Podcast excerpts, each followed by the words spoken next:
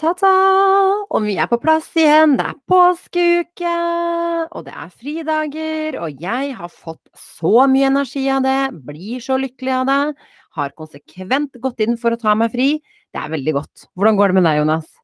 Jeg har fri, jeg også, og jeg blir også glad av det. Og ja, det eneste vi mangler nå i Oslo, er litt av denne her påskesola og godværet som du liksom ser i alle disse påskereklamene. For vi våkna opp til lett regn og ganske depressiv stemning her i Oslo. Så litt sol nå på toppen, og det er i ferd med å skjære igjennom. Da blir jeg så happy. Ja, og jeg, jeg, må dele hva jeg og du har gjort i dag. Eh, og det er jo ikke snikskryt, det er bare skryt, punktum. Eh, vi våkner opp, depressiv stemning, litt småregn, overskya. Litt kjipt, Oslo er jo nedstengt som det er, og det i seg selv er jo depressivt nok. Hva gjør vi, Jonas? Jo, vi blir enige om å dra og løpe mila ute i dette kalde, sure, egentlig slitsomme været. Og det klarte vi! Men det er ikke spennende i seg selv, det var bare for å skryte. Det som Det var, var kun gøy, det var kun skryt. Det som er mye gøyere, er at jeg fikk med Jonas å dyppe føttene nedi, eh, nedi iskaldt eh, vann borte på Sognsvann. Og hvordan opplevde du den opplevelsen, Jonas? Fortell oss hva du følte.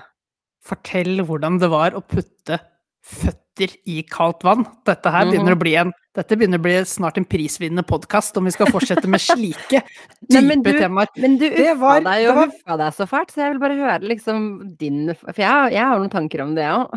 Det, det kan du gjerne. Jeg må jo bare si at først så uff, måtte jeg overleve at du uffet deg gjennom en time med løping, så at du fikk et par-tre sekunder uffing eh, med tær i kaldt vann, det må du bare leve med, Irma. Eh, Men eh, det var en sånn veldig merkelig følelse, for det er det var nesten, nesten liksom sammenlignes med noen av disse her styrkeøvelsene vi har hatt. Du vet når vi sitter i 90-graderen eller gjør noe som er statisk styrke. Du får vondt mens du holder på, men den Mhm. største smerten kommer i de sekundene rett etter du er ferdig, idet man drar beina opp av det kalde vannet.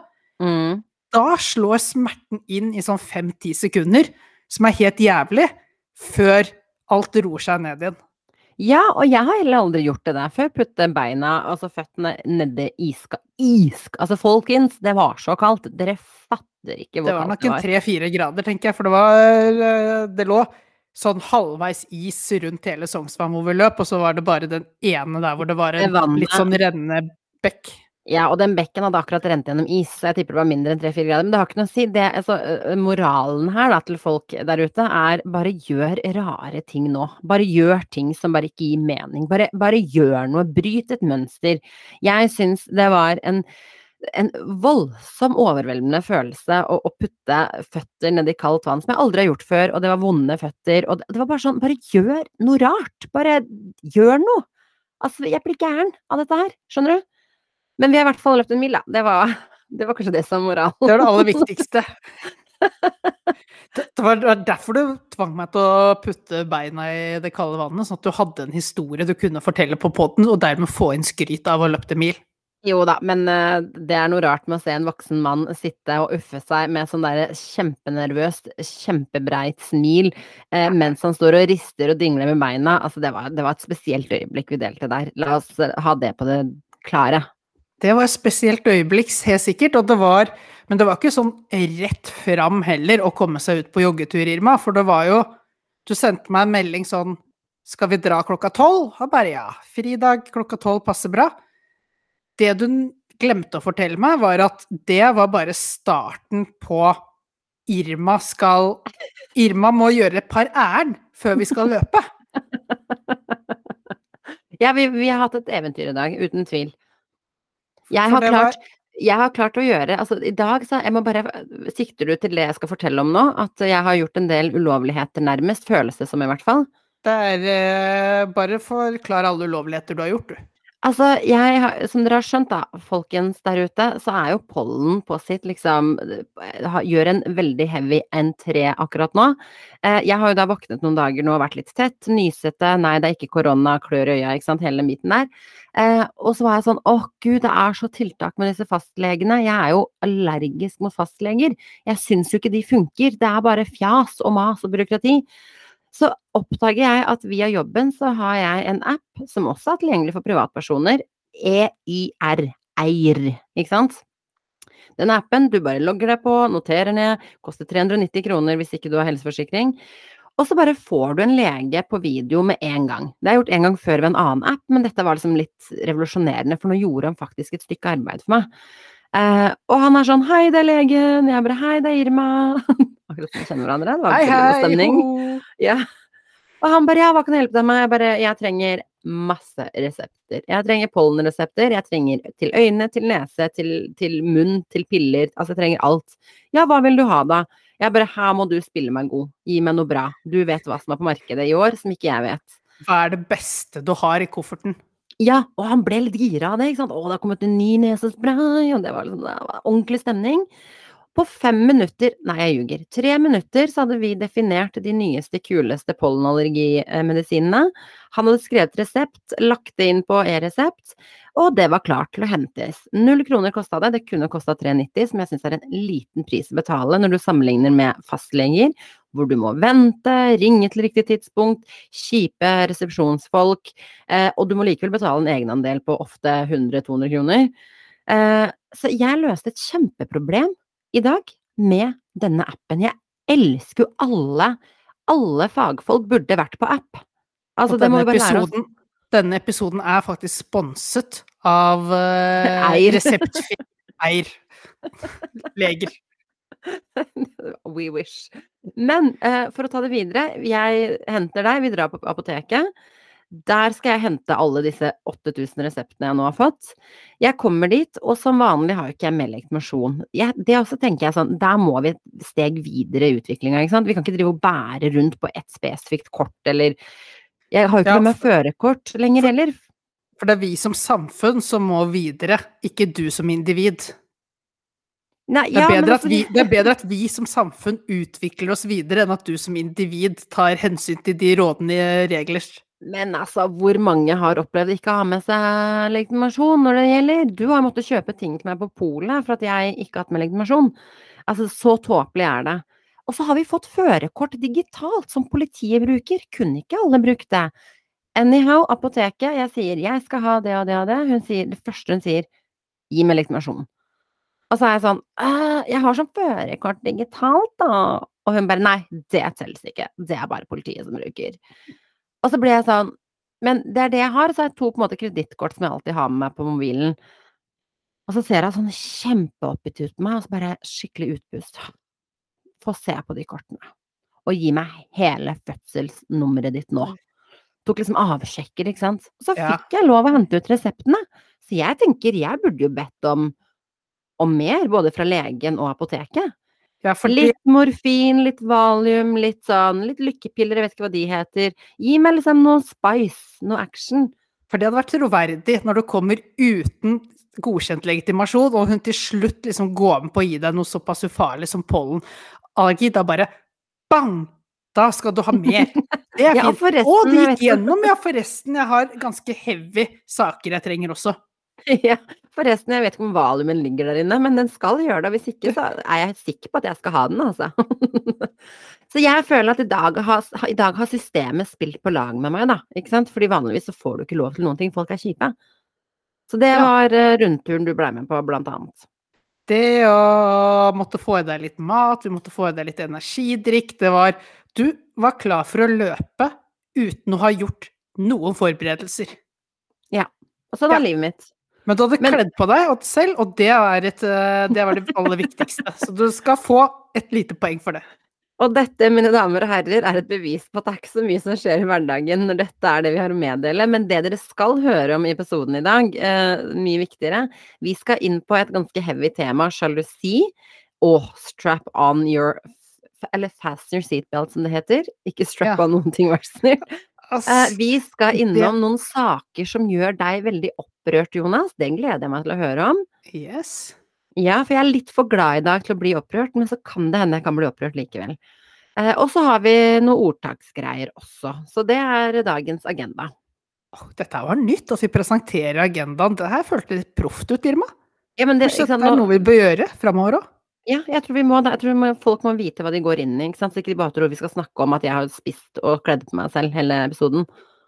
Nei, men det er jo i, i og for seg Vi har på en måte tatt for oss høydepunktene av hva du har fått til denne uka her, så nå må vi legge fokus over på andre. Og sjalusi var vel spilt inn fra en av lytterne våre, var det ikke det, som et tema? Jo, det har blitt spilt inn som ba om det. et ønsket tema. eh, Og så fikk vi ganske mye hyggelige innspill fra forrige episode. Dette med selvfølelse. Folk syntes det var veldig interessant. Folk kjente seg litt igjen. Og det er litt gøy, det er det vi skal gjøre. Vi skal engasjere litt, ikke sant. Så jo mer dere engasjerer dere, jo mer engasjerende temaer blir det.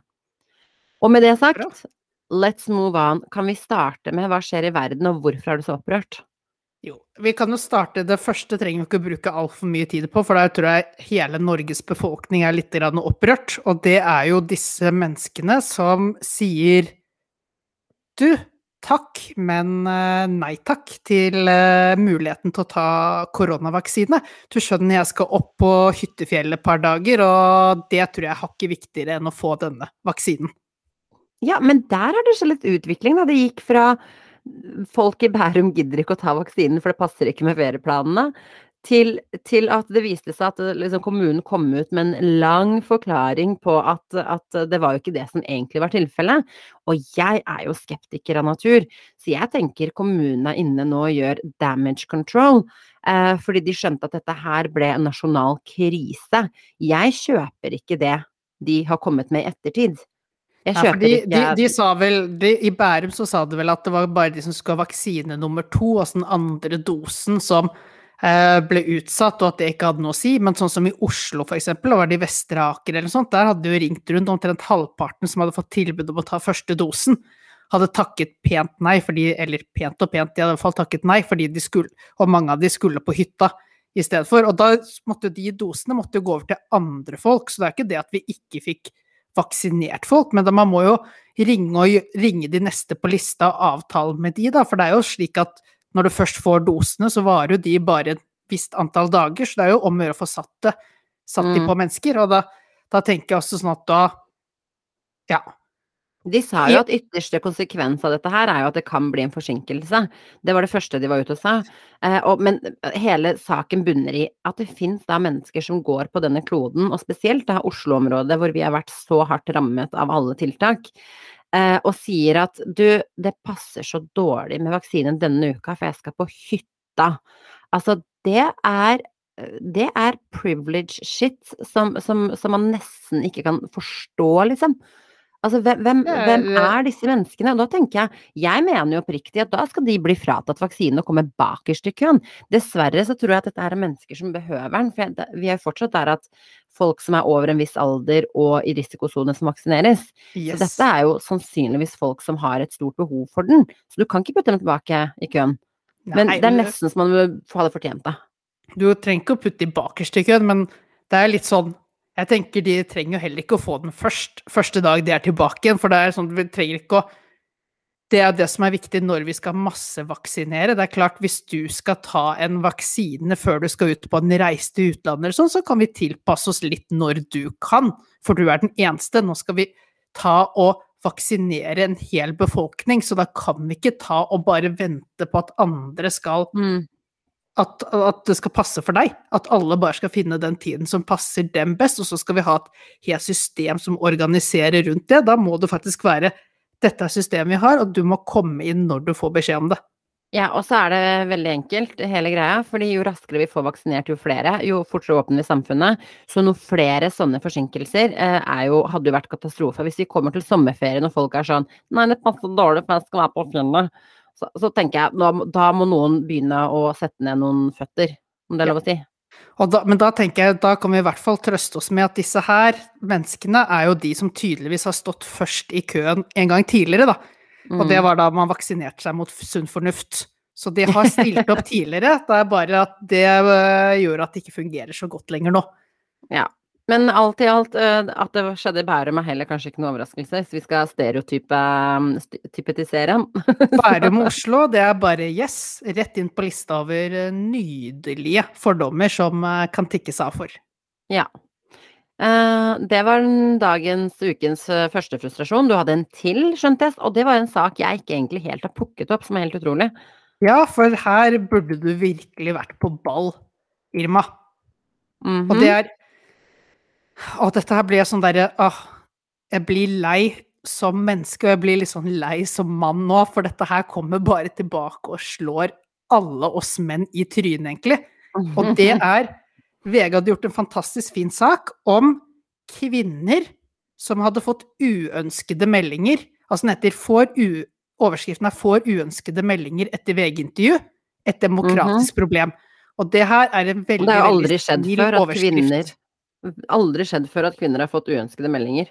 Nei, og uønskede meldinger er også sånn Det er et veldig fin måte å si slibrige, slibrige menn gjør Trakassering heter det. slibrige, trakasserer og er bare helt jævlig.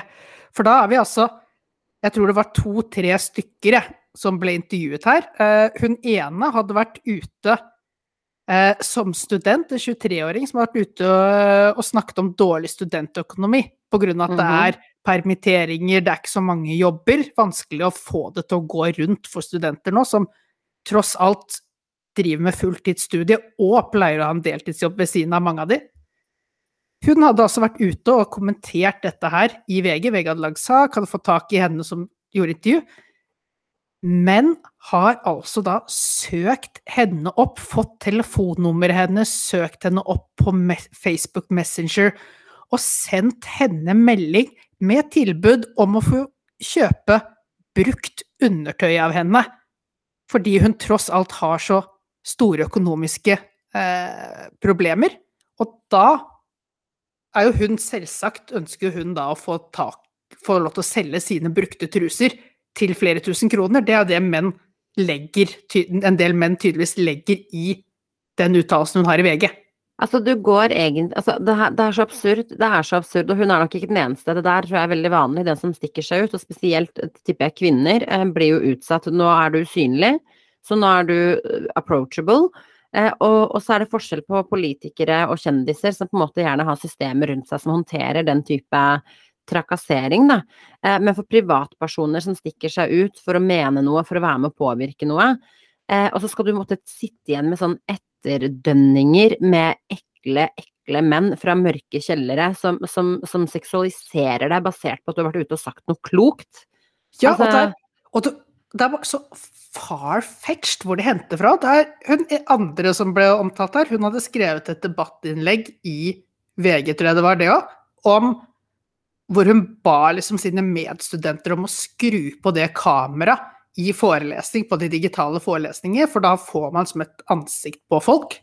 Men Tror du ikke at det var det noen menn da som hadde tolket eh, på den måten at hun kunne mer enn gjerne ha på kamera sammen med dem, og spurte, på, spurte om ikke hun kunne være interessert i å være naken foran kamera? Men ikke sant, og du startet så bra med å si du som mann må jo være så lei av at menn bare Det er så mange menn som bare fortsatt tenker at det meste er en slibrig invitasjon.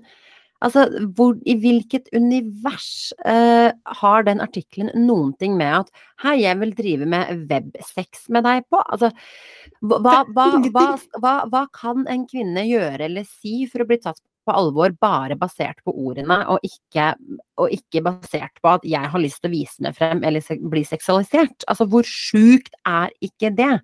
Det er, det er helt sinnssykt, og det er også litt sånn herre Det er sånn maktspill også, at ok, hvis du som kvinne skal ut og uttale deg, da må vi sende Da må du forvente at det kommer noen slibrige meldinger tilbake igjen. Og da blir terskelen for å Mm. mene noe offentlig enda høyere neste gang. Ja, det er ingen som gidder å stikke seg ut hvis du må sitte et år i ettertid og, og, og liksom eh, kjempe imot meldinger og kontakter som du ikke vil ha. Eh, Nei. så, og det er jo det, som er synd, da. Og det er jo ikke sånn at de fleste menn sitter og gjør dette her, selv om hele den der metoo-bevegelsen viste jo, i hvert fall for meg, hvor overraskende mange det Mm. har vært, og sikkert fortsatt er, så er det jo det er fortsatt en ganske liten andel, da, totalt Mm. av menn på denne kloden. Håper og tror jeg. Men det er likevel bare Det er så, det er så idiotisk, og det setter hele samfunnet så langt tilbake. Eh, og det, det er sånn Det er så destruktivt for likestilling, så er det destruktivt for alt. Så det her må jo på en måte Det er jo bare å Og vi er jo der at eh, Og det her, det temaet ja, tema du tok opp der, satte oss jo inn i, inn i en annen sak igjen, som jeg og du diskuterte. Eh, det var riktignok opp mot Formel 1, det hadde ikke så mye med Formel 1 i seg selv å gjøre, men dette her med at um, en uh, veldig, veldig mannsdominert old school uh, motorsport har nå vært så ålreite, og, og altså starta et nytt jenteteam, eh, hvor da gutta er i det som heter Formel 1, som er prestisje, Formel 2 er liksom next level, og Formel 3 er liksom der hvor de begynner karrieren sin ofte. Kvinnene er jo ikke inne i noen av disse her topp tre ligaene. Eh, hva, hva het det der nye teamet de oppretta? Det er for, Formel W Series, som vel er da et, en serie med løp hvor kun kvinner kan delta. Ja, hvor kun kvinner kan delta. Det er liksom det, og, det, og da, det bruker de som et alibi på å se hvor kvinnevennlige vi er. Og jeg må jo si, jeg har et kjempeproblem med organisasjoner, bedrifter, you name it, som har egne kvinneprogrammer. Det sier så mye om deg at du må ha et kvinneprogram internt for, for, som et alibi på at du gjør noe bra for kvinner, for det vil si at da er det et behov for det i bedriften din. Og hvorfor må det være egne kvinneprogrammer? Hvorfor kunne ikke disse damene konkurrert i Formel 3, Formel 2 for, og etter hvert da Formel 1 hvis de beviser seg gode? Det er altså, og, og bare for å ha det sagt, når resten av Formel-gutta kjørte hele 2020, så var dette jenteteamet um, de hadde ikke en sesong. De måtte droppe hele 2020 pga. pandemi. Så det er jo ikke noe sånn at det ligger store budsjetter på disse kvinneprogrammene. Det er jo bare for å huke av og si se, vi gjør en innsats. Og det er så kynisk og patetisk. Åh. Sånn. Da fikk vi en liten runde kvinnekamp også i denne poden her. Der føler jeg vi, vi tar og scorer godt på kvota om å prate om dette her. Ja, jeg tenker det er viktig å snakke om disse kvinnekampene, for det er så mye dumt. Det er så mye dumt. Men uh, ja, da fikk vi fresa ut om det. Ja. Er vi ferdig fresa? Er vi ferdig fresa? Ja, vi er ferdig fresa. Vi er ferdig fresa, og så må vi bare liksom be folk om å bruke huet lite grann. Og sjik sjikane, det må man jo bare anmelde, sånn at uh, disse mennene blir satt på plass med en eneste gang. Tror det er Ja. eneste måten å få fiksa opp i. Ja, det er lov å håpe. Vi skal videre til vårt store tema. Eh, Det er faktisk sjalusi, som vi snakket innledningsvis om, og der er det jo du har gjort, Denne gangen har du gjort masse, masse, masse research på liksom hva som ligger bak det. Jeg har ikke gjort like mye research, men jeg har masse, masse, masse meninger eh, om sjalusi. Ja. Eh, så jeg tenker at du skal ta oss litt bare igjen, Kan ikke du bare ta oss liksom gjennom hva, what, hva er egentlig sjalusi? Altså, jeg leste en historie For meg var den ganske sånn litt ut på viddene, men jeg må bare si at den det var litt sånn artig det hele her òg. Det var jo en artikkel som mente at sjalusi, og grunnen til at vi mennesker er sjalue, da, Mm. er fordi menn har en interesse i sine avkom. Nei, nå, ja, ok. Ja, bare- og Og de, de har nemlig sammenlignet, for det som er greia, er jo at øh, når et barn fødes, mhm, så er det jo 100 sikkert hvem moren er. mm, Det er på en måte ikke noe spørsmål om. Men far kan man jo aldri være 100 sikker på. Ja. Og, og, og, og, sjimpans, blant sjimpanser så var dette ikke noe problem, for far hadde ikke noe interesse av avkommet. Så det spilte ikke noen rolle? Det spilte var- ingen rolle? Nei, det var bare det der å lage barn, det var bare sånn der eh, biologisk prosess. Moving on. Så da var det bare på kvinnen kunne liksom bare slippe inn den mannen som hun mente hadde god nok biologi til å skaffe et bra avkom, og så var ikke hun mer interessert i mannen, og mannen var ikke mer interessert i henne og barnet. Men, og sånn er det visst da også for oss mennesker, at man er liksom programmert for å kunne finne eh, en som har gode forutsetninger til å lage et bra avkom med, samtidig som du må veie dette opp med at du faktisk ønsker da å ha en mann som har interesse i barnet, og som ikke dermed går videre til noen andre. Og det er på grunn av den Som jo aldri har skjedd, at menn har fått barn et sted og så gått videre. Det høres jo veldig sjimpansete ut, men det, det er jo nettopp den verden vi lever i, da. Eller kvinner, for den saks skyld. Ja, så istedenfor liksom å kalle menn som gjør sånn for huleboere, så burde dere bare kalle det sjimpanser, tydeligvis. Det er eh, litt sånn sjimpansmann, burde være et så- nytt ordtak.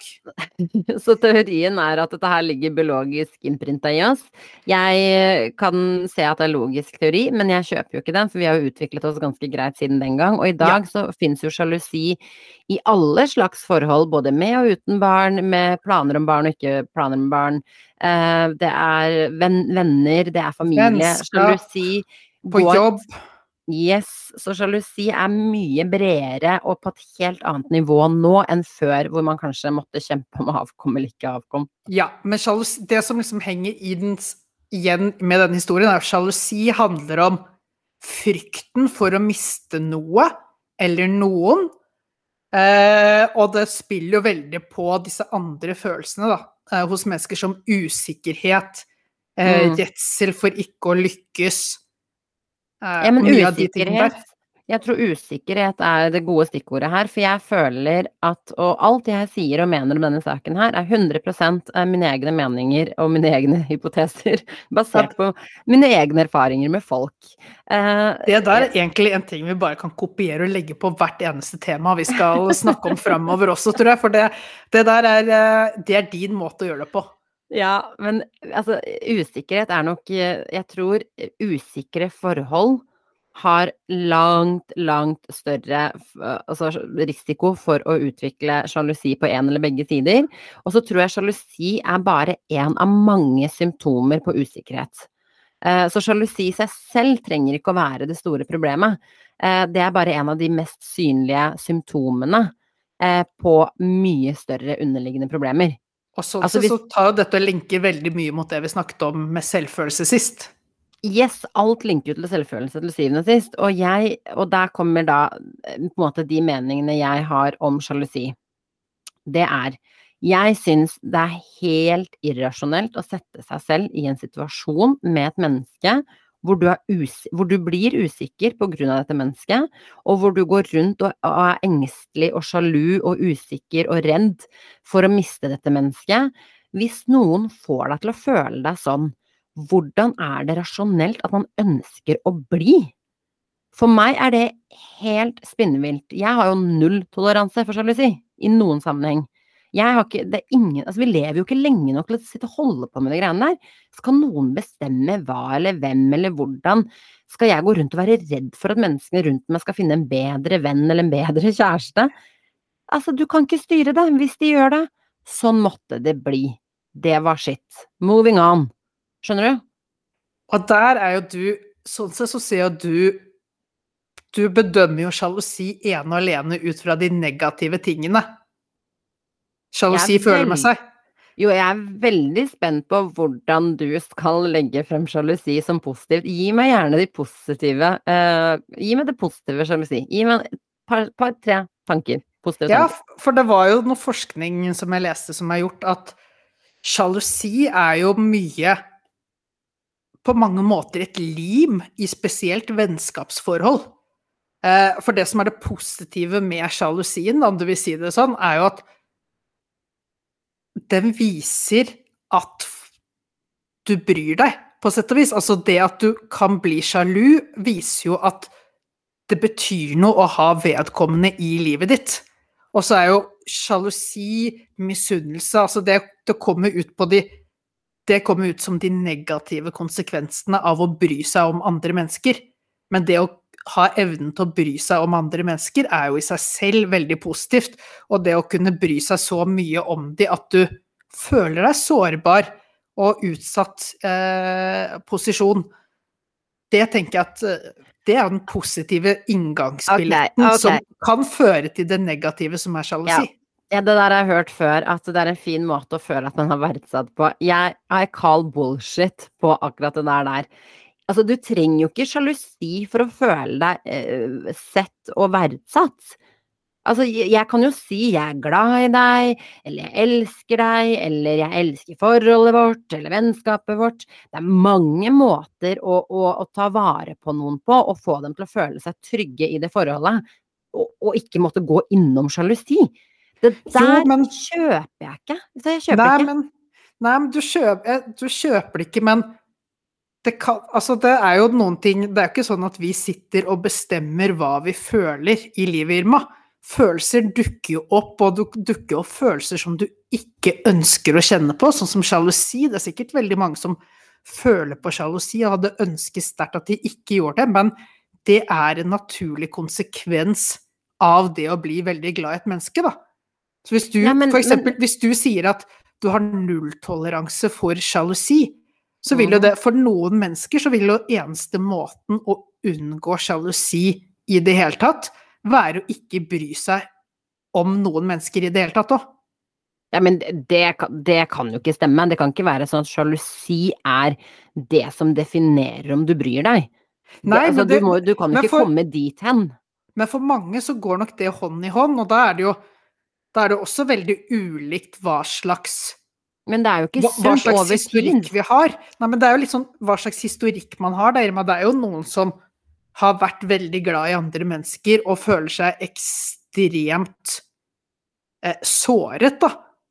På grunn av Ja. kanskje utroskap eller venner som har gått bak ryggen på en, eller kanskje har du betrodd deg om noe viktig til en kollega som du ikke ønsket at resten av arbeidsplassen skulle vite, og så har den kollegaen gått videre med det, og du på en måte har følt den smerten som ligger ligger i det.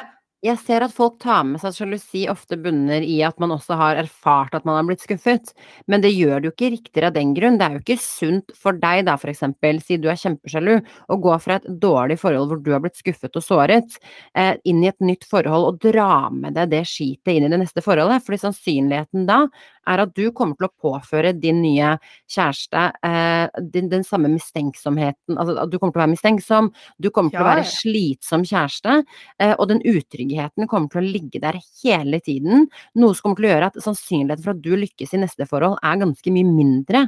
Så det, jeg, jeg er ikke enig i at det finnes noe positivt ved det, og jeg vet at vi ikke kan styre det vi føler, men litt sånn som med selvfølelse, så mener jeg at sjalusi også er en form for trygghet, eh, og noe man kan jobbe med. Det er Det er, det er, jeg orker jo ikke å omgås folk som er sjalu.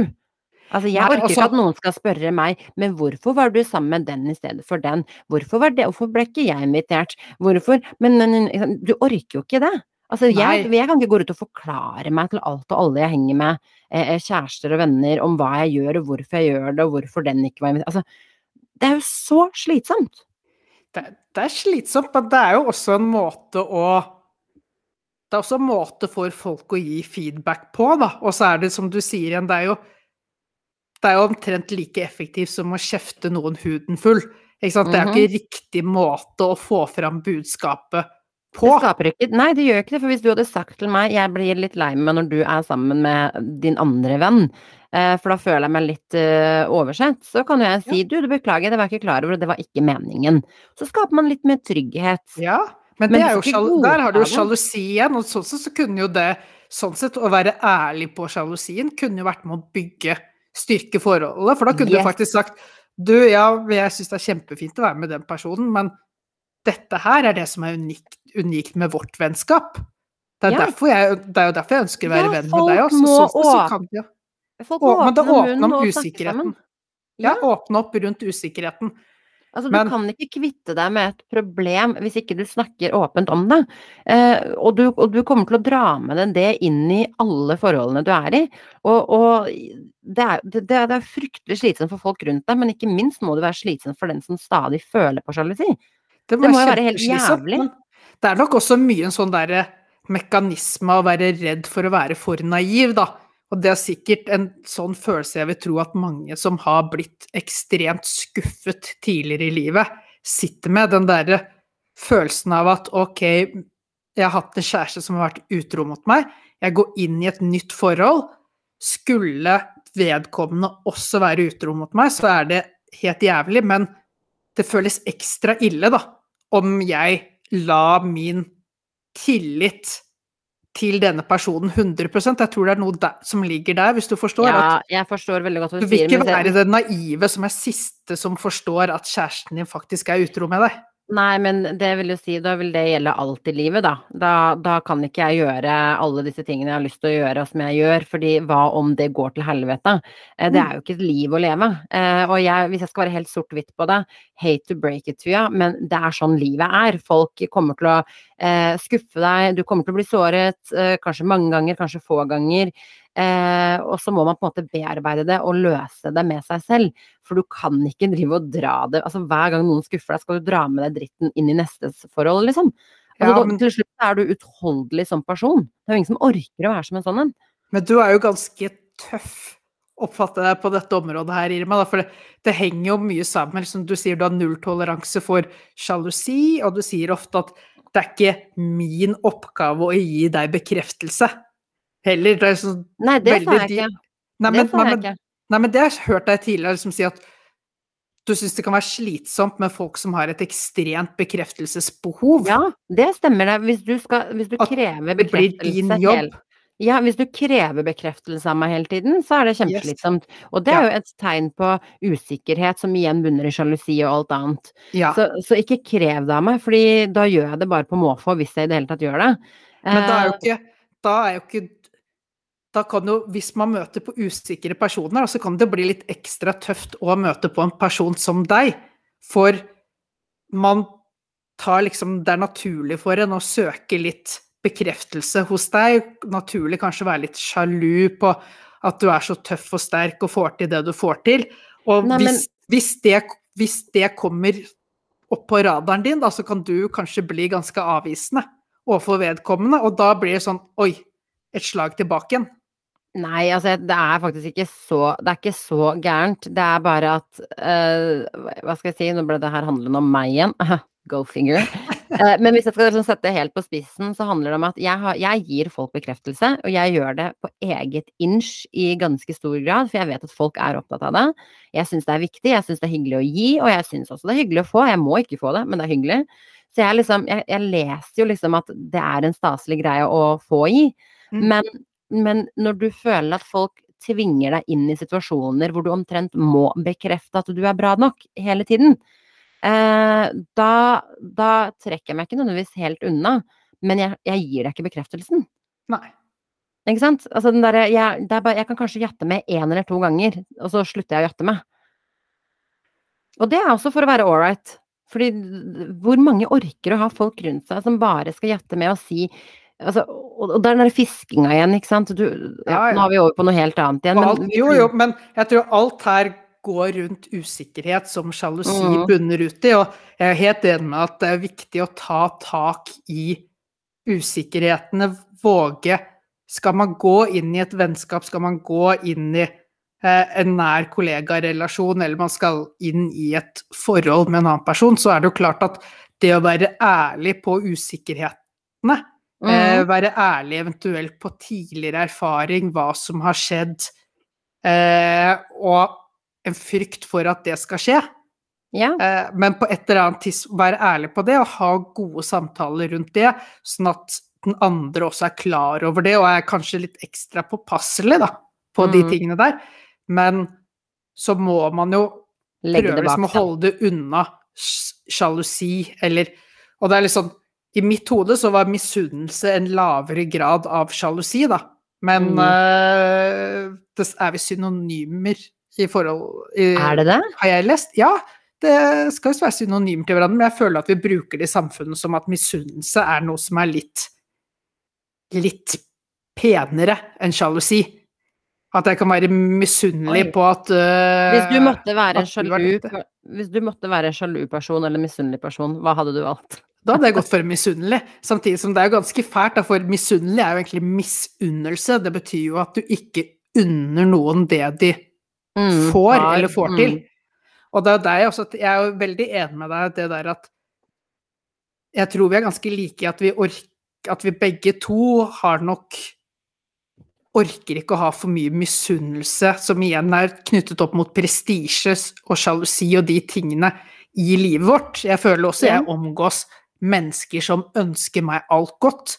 Mm. Og om jeg får til ditten eller datten i livet, så, så tror jeg ikke noen av mine nærmeste står og tenker eller synes at det var noe dritt, eller det fortjente han ikke, eller Nei. blir sjalu på det. Ja, og det hadde jeg nok sånn ikke orket, jeg heller. Jeg tror, og det gjelder spesielt da kanskje sjalusi, man, man skaper også sin egen atmosfære. Hvis man gir mye, altså hvis man er veldig sjalu, og, og liksom drar med mye sjalusi inn i et forhold, så tror jeg at du får et forhold preget av nettopp sjalusi. Da blir det heloppslukende for forholdet. Og jeg kan si det sånn, da, hvis jeg skal sette meg selv hypotetisk i situasjonen om at jeg plutselig en dag syns Per Kristian oppførte seg rart, eller liksom begynte å gjøre ting som ikke ga mening, og skapte liksom en usikkerhet hos meg, Mm. um, så hadde jo jeg vært dønn ærlig at nå kjenner jeg på noe som er rart. Uh, du må fortelle meg det, for sånn her har ikke jeg lyst til å ha det. Nei. Ikke sant? Eh, og, og da må jeg få en må jeg få liksom en, en informasjon som gir meg tryggheten tilbake igjen. Ja. Men, men- og så er det også noe med at Det er rart å si det, men jeg har en hypotese at folk som har vært i, i forhold hvor man har blitt såret, eller man har blitt, uh, vært mye sjalu eller vært preget av sjalusi, de ender ofte opp å gå inn i samme fellene. Gang på gang på gang. Eh, og dermed går de rundt og tror at hvert eneste forhold er preget av, av sjalusi, og det er sånn det skal være. Det, Det er en del av sånn det. Ja, det er ikke en del av pakka. Og derfor må man liksom gå inn i et forhold med liksom et eller annet forbehold om at jeg orker ikke usikkerhet, føler jeg det i det forholdet her, så er det rett ut. Ja, og der er det jo klart at da kommer du igjen For det er viktig å dele usikkerheten, men så er det også noen som syns at det blir veldig belastende, eller at da får man å gi meg litt pusterom.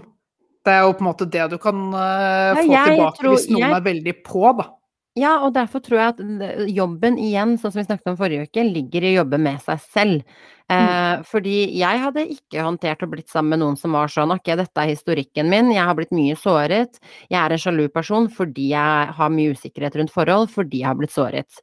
Og så må jeg kompensere for den usikkerheten som kanskje to, tre, fire før meg har skapt. Det er ikke et menneske i stand til å gjøre. Det er kjempekrevende, og hele forholdet ville bunna i at man følte at man måtte rapportere, at man ikke tråkka feil, at man ikke sa feil ting. Eh, og så ville det likevel sannsynligvis komme til overflaten uansett. Fordi Ja, da- problemet ligger hos den som bærer på det. Ja, og da er jo igjen kommunikasjonen, ikke sant. Dette her er eh, Dette her er det som har skjedd meg, eller dette er mine utfordringer. Da trenger jeg at du kommuniserer med meg på denne måten her. Mm. Sånn som hvis du er ute på byen og kommer hjem mye senere enn du har sagt, så noen er det liksom helt fine. Bare gå og kos deg, stole på deg, liksom. Typ. Noen blir veldig usikre selv, og da er det liksom sånn Kan du sende meg en melding? Flott, da har jeg bare Hva, hvor, hva er liksom som skal til da for å skape, enkelt skape den tryggheten nå? Ja, jeg at vet ikke, det tror jeg ikke er veldig dukker opp. Det der tror jeg er liksom sånn fram og tilbake som folk bare må finne ut av selv. men der, der sa du det, det med å stole på noen, da. Jeg hadde jo blitt massivt, massivt skuffa hvis prisen var sånn 'jeg stoler ikke på deg'. Altså, jeg Nei, blitt men- sånn, men, men skal du gå rundt og liksom anta at jeg gjør et eller annet eh, hele tiden hver gang jeg beveger meg utenfor husets fire vegger? Altså, og, og da vil man jo kjenne på et behov for å liksom rapportere, rapportere, Ja. rapportere. Og det, for meg hadde det vart i ti sekunder, så hadde jeg vært drittlei av det og vært liksom moving on. Jo, Fordi jo. du, du skal jo ikke trenge å rapportere til noen. Nei, men det er jo Det er jo ikke et likhetstegn mellom å elske noen og stole på noen. Nei, men det er jo det man må på en måte Det er jo de valgene man tar, da. Da må du sørge for at det ligger en viss trygghet, og, og, og at man stoler på hverandre før man bestemmer seg for å satse hodestups fullt inn på hverandre. Altså, du må jo liksom Folk blir jo sammen i dag, og så, og så er de liksom etablert i morgen. Så blir jeg sånn Vit hva du går til, da. Ikke bli hodestups forelska, flytte inn og bare gi opp hele livet fordi nå er dette alt som er i hele verden. Bare Bruk litt tid. Bruk litt tid, kjenn på hvor sikker du føler deg i det forholdet du er i. Og det gjelder venner òg. Jeg har jo Ja. opplevd venner som har vært litt sånn Til dags dato kan folk være sånn Men hvorfor er ikke jeg invitert, eller et eller annet. Jeg, jeg, jeg kan ikke rapportere hvem jeg er sammen med til alle jeg kjenner, i håp om at noen flere skal bli med, eller at ingen skal føle seg utenfor. Det funker jo ikke sånn. Jeg har ikke kapasitet til det. Da måtte jeg oppretta en felles gruppe hvor jeg hver dag var sånn I dag 15.30 skal jeg gå dit og dit fra A til B. Catch me if you can. Altså Nei, jeg vet ikke. Jeg, jeg er veldig sort-hvitt på det, men det kan også Man tar jo utgangspunkt i seg selv. Jeg, når jeg og Pristan ble sammen, så var jeg veldig tydelig veldig tidlig. og det var at sjalusi er ikke det, det funker ikke for meg. Jeg kommer ikke til å være sjalu, og jeg orker ikke et snev av sjalusi tilbake. Eh, jeg kommer ikke til å gi deg noen grunn til å være sjalu, eh, og du kommer ikke til å gi meg en grunn til å være sjalu, og hvis det skjer, så, så er forholdet ganske skakkjørt. Ja. Allerede Ja, men- der. Det er en veldig ærlig og redelig inngang, og jeg tenker jo det er veldig fint, fint for alle, men eh, jeg, jeg prøver å se litt flere sider av sjalusien Ja, er her, da. Det er du og prøve å jeg, jeg skjønner jo det der at det her med følelser, det er ikke som sagt, det er ikke logisk, det er ikke noe man bestemmer seg for. Og det er jo sikkert mange som har, har fått følelser fordi man har fått bekreft. Og det er, jo, det er jo noen som er mestere i å gi bekreftelse når andre mennesker trenger det som mest, og så misbruke på en måte den tilliten det opparbeider. Da. Så da jeg er liksom enig med deg at ikke vær sånn for rask til å dømme tillitsfull eller ikke. Ikke bare de som sa noe du trengte å høre der og da, men bruk litt tid, kjenn på hvordan det er. Er dette her noe som fungerer Mm. for meg eller ikke? For jeg er også enig i at når det kommer så langt at som at sjalusi dukker opp, og i hvert fall når sjalusi tar over, for det var også det som ble nevnt, at sykelig sjalusi, det er jo når du begynner å legge egne historier bak ting som skjer. Sånn som hvis du f.eks. Mm. ser at kjæresten din prater med en annen person, så begynner du å lage en historie i hodet ditt om Mm. hvordan disse her har møttes tidligere, og dette er en gammel flamme og alt dette Ja. her. Du begynner å tillegge historier som. Ja. Yes. Så det må man jo virkelig Da har du på en måte Da er jo tilliten på, i bunn. Og da må du liksom tenke deg nøye om er dette virkelig en relasjon man skal ha, om tilliten er Ja, for hva er, baserer, hva er det du baserer forholdet på da, liksom? Hva, hva er- baserer du forholdet på hvis ikke man kan ha de åpne samtalene, og man kan ha tilliten, og man kan ha tryggheten? Det er jo hele grunnmuren som skal holde forholdet gående. Hvis grunnmuren er revet, så står man jo egentlig i et uh, fyrstikkhus hvor når som helst en fyrstikk kan falle sammen, og så raseres hele huset.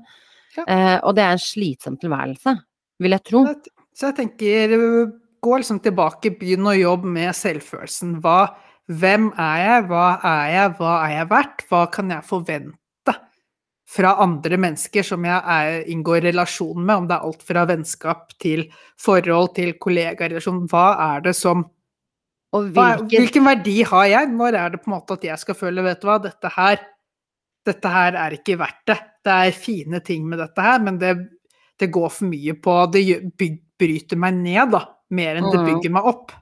Ja, og for å si det sånn, da, folk vil jo si at jo, men blir man forelska, så klarer man ikke å bare liksom gi faen.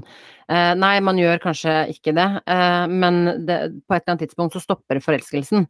Eh, og da sitter du igjen med all skitet. Eh, så bare vit at det er en annen side av det når liksom de første månedene har lagt seg. Så det er liksom Ja, du, du må stå i det også etter eh, turboforelskelsen. Eh, og det er ikke en deilig situasjon å stå i, så bare bryt det før det går for langt. Ja. Og det var dagens eh, kloke ord fra podkast-hjørnet oppe i Sagen her. ja, Det var ikke gærent eh, tema, dette her, da. Nei, jeg syns ikke det, og, og, og det, det er jo sånn Man kan jo mene seg. Man kan e mene så mye om det i evigheten. Eh, men folks følelser er veldig individuelle, og folk agerer veldig forskjellig, og det er liksom ikke noe svar på det.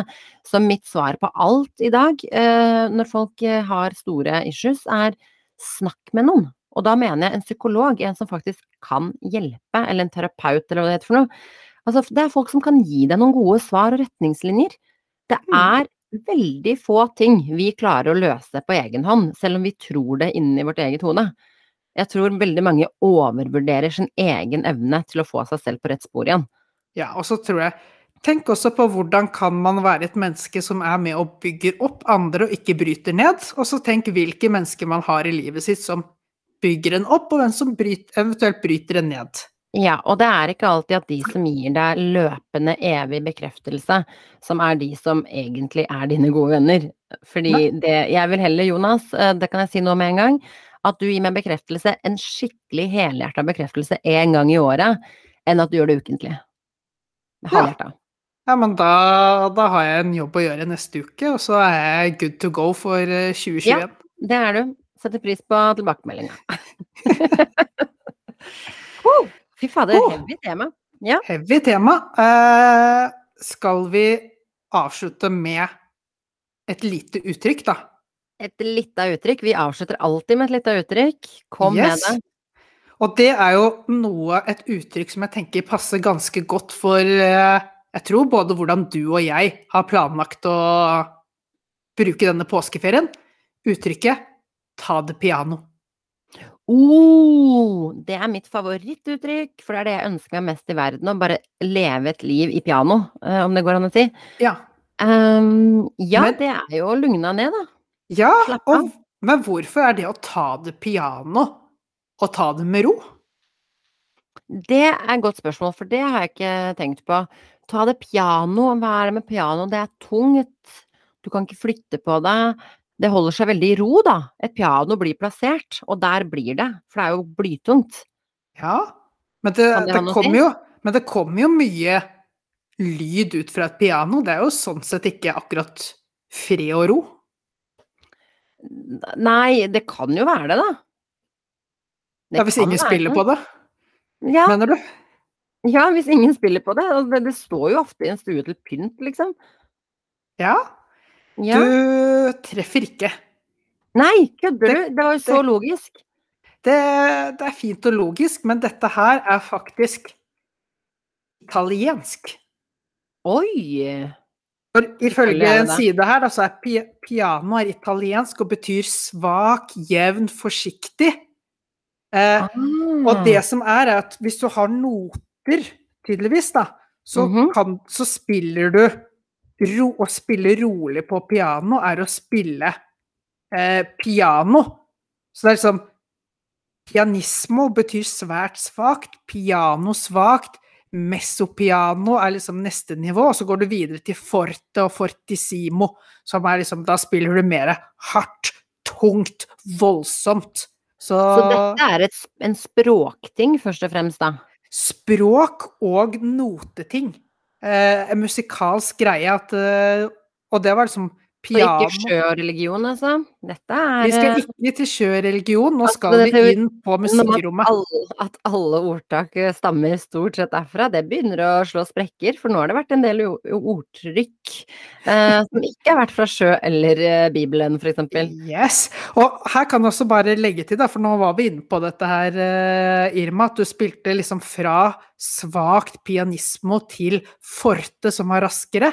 At tidligere så het jo piano pianoforte. Altså fra svakt høyt. Men så ble det forkortet ned til bare svakt, eh, altså piano. Bare piano. Så hvis, jeg, aha. så hvis jeg sier eh, 'kan vi ikke ta det litt forte'? Da er det smell. Da blir det hæla i taket og fullt. Ja, når du okay. inviterer til fest, da vil jeg neste gang spurt om er dere klare for å ta det litt forte. forte. Ja, vi må ta det litt forte. Og du, jeg likte dette her, jeg. For ikke bare er jeg Jeg kan kjøpe argumenter, for her er det musikk og, og ordtrykk jeg ikke har hørt tidligere, mens det gir mening. Eh, og så kunne vi lagt på min teori om at piano er tungt og står stille, sånn norsk versjon av det, liksom. Ja. Um, jeg, jeg, kjøper argumentet, faktisk. Jeg gjør det. Og så må vi innføre Vi må ta det forte. Ja, for forte og forte seg er jo veldig nært beslektet, så da, jo, men her da har du det nå. Men vi skal ikke forte oss, vi skal bare Nei, vi skal bare Kjøre på. Vi skal bare kjøre på. Det er jo ja. det som er liksom forskjellen. Og det skal når... vi begynne med. Når folk sier uh, Jeg skal kaste det rundt meg og late som en som har peiling på italiensk. Ja, men så neste forte, gang forte. Neste gang du er på vei til festival eller et eller annet, så bare Nå tar vi det forte, folkens. Ja, og da lurer jeg på hva folk sier. Om noen reagerer. Eller så sier ja. de bare ja! Ja, for det gjør du jo garantert i en sånn setting. Men jeg syns jo denne podkasten gikk ganske forte, den også, egentlig. Episoden ja, er jo Vi har ikke tatt det helt piano. Ja, ikke tatt det piano. Jeg kjente at dette her krevde mye hjernekapasitet, og det er bra. Og da er jeg spent på tilbakemeldinger da, på, på, disse temaene og hva vi har diskutert. Uh, er det noe vi har glemt å ta hensyn til? Er det noe vi har, burde tatt mer tak i? Og er det eh, noen som er litt sjalu på din måte å blokkere unna all sjalusi på? Det er spesielt å være sjalu på det, Ja, det var voldsomt.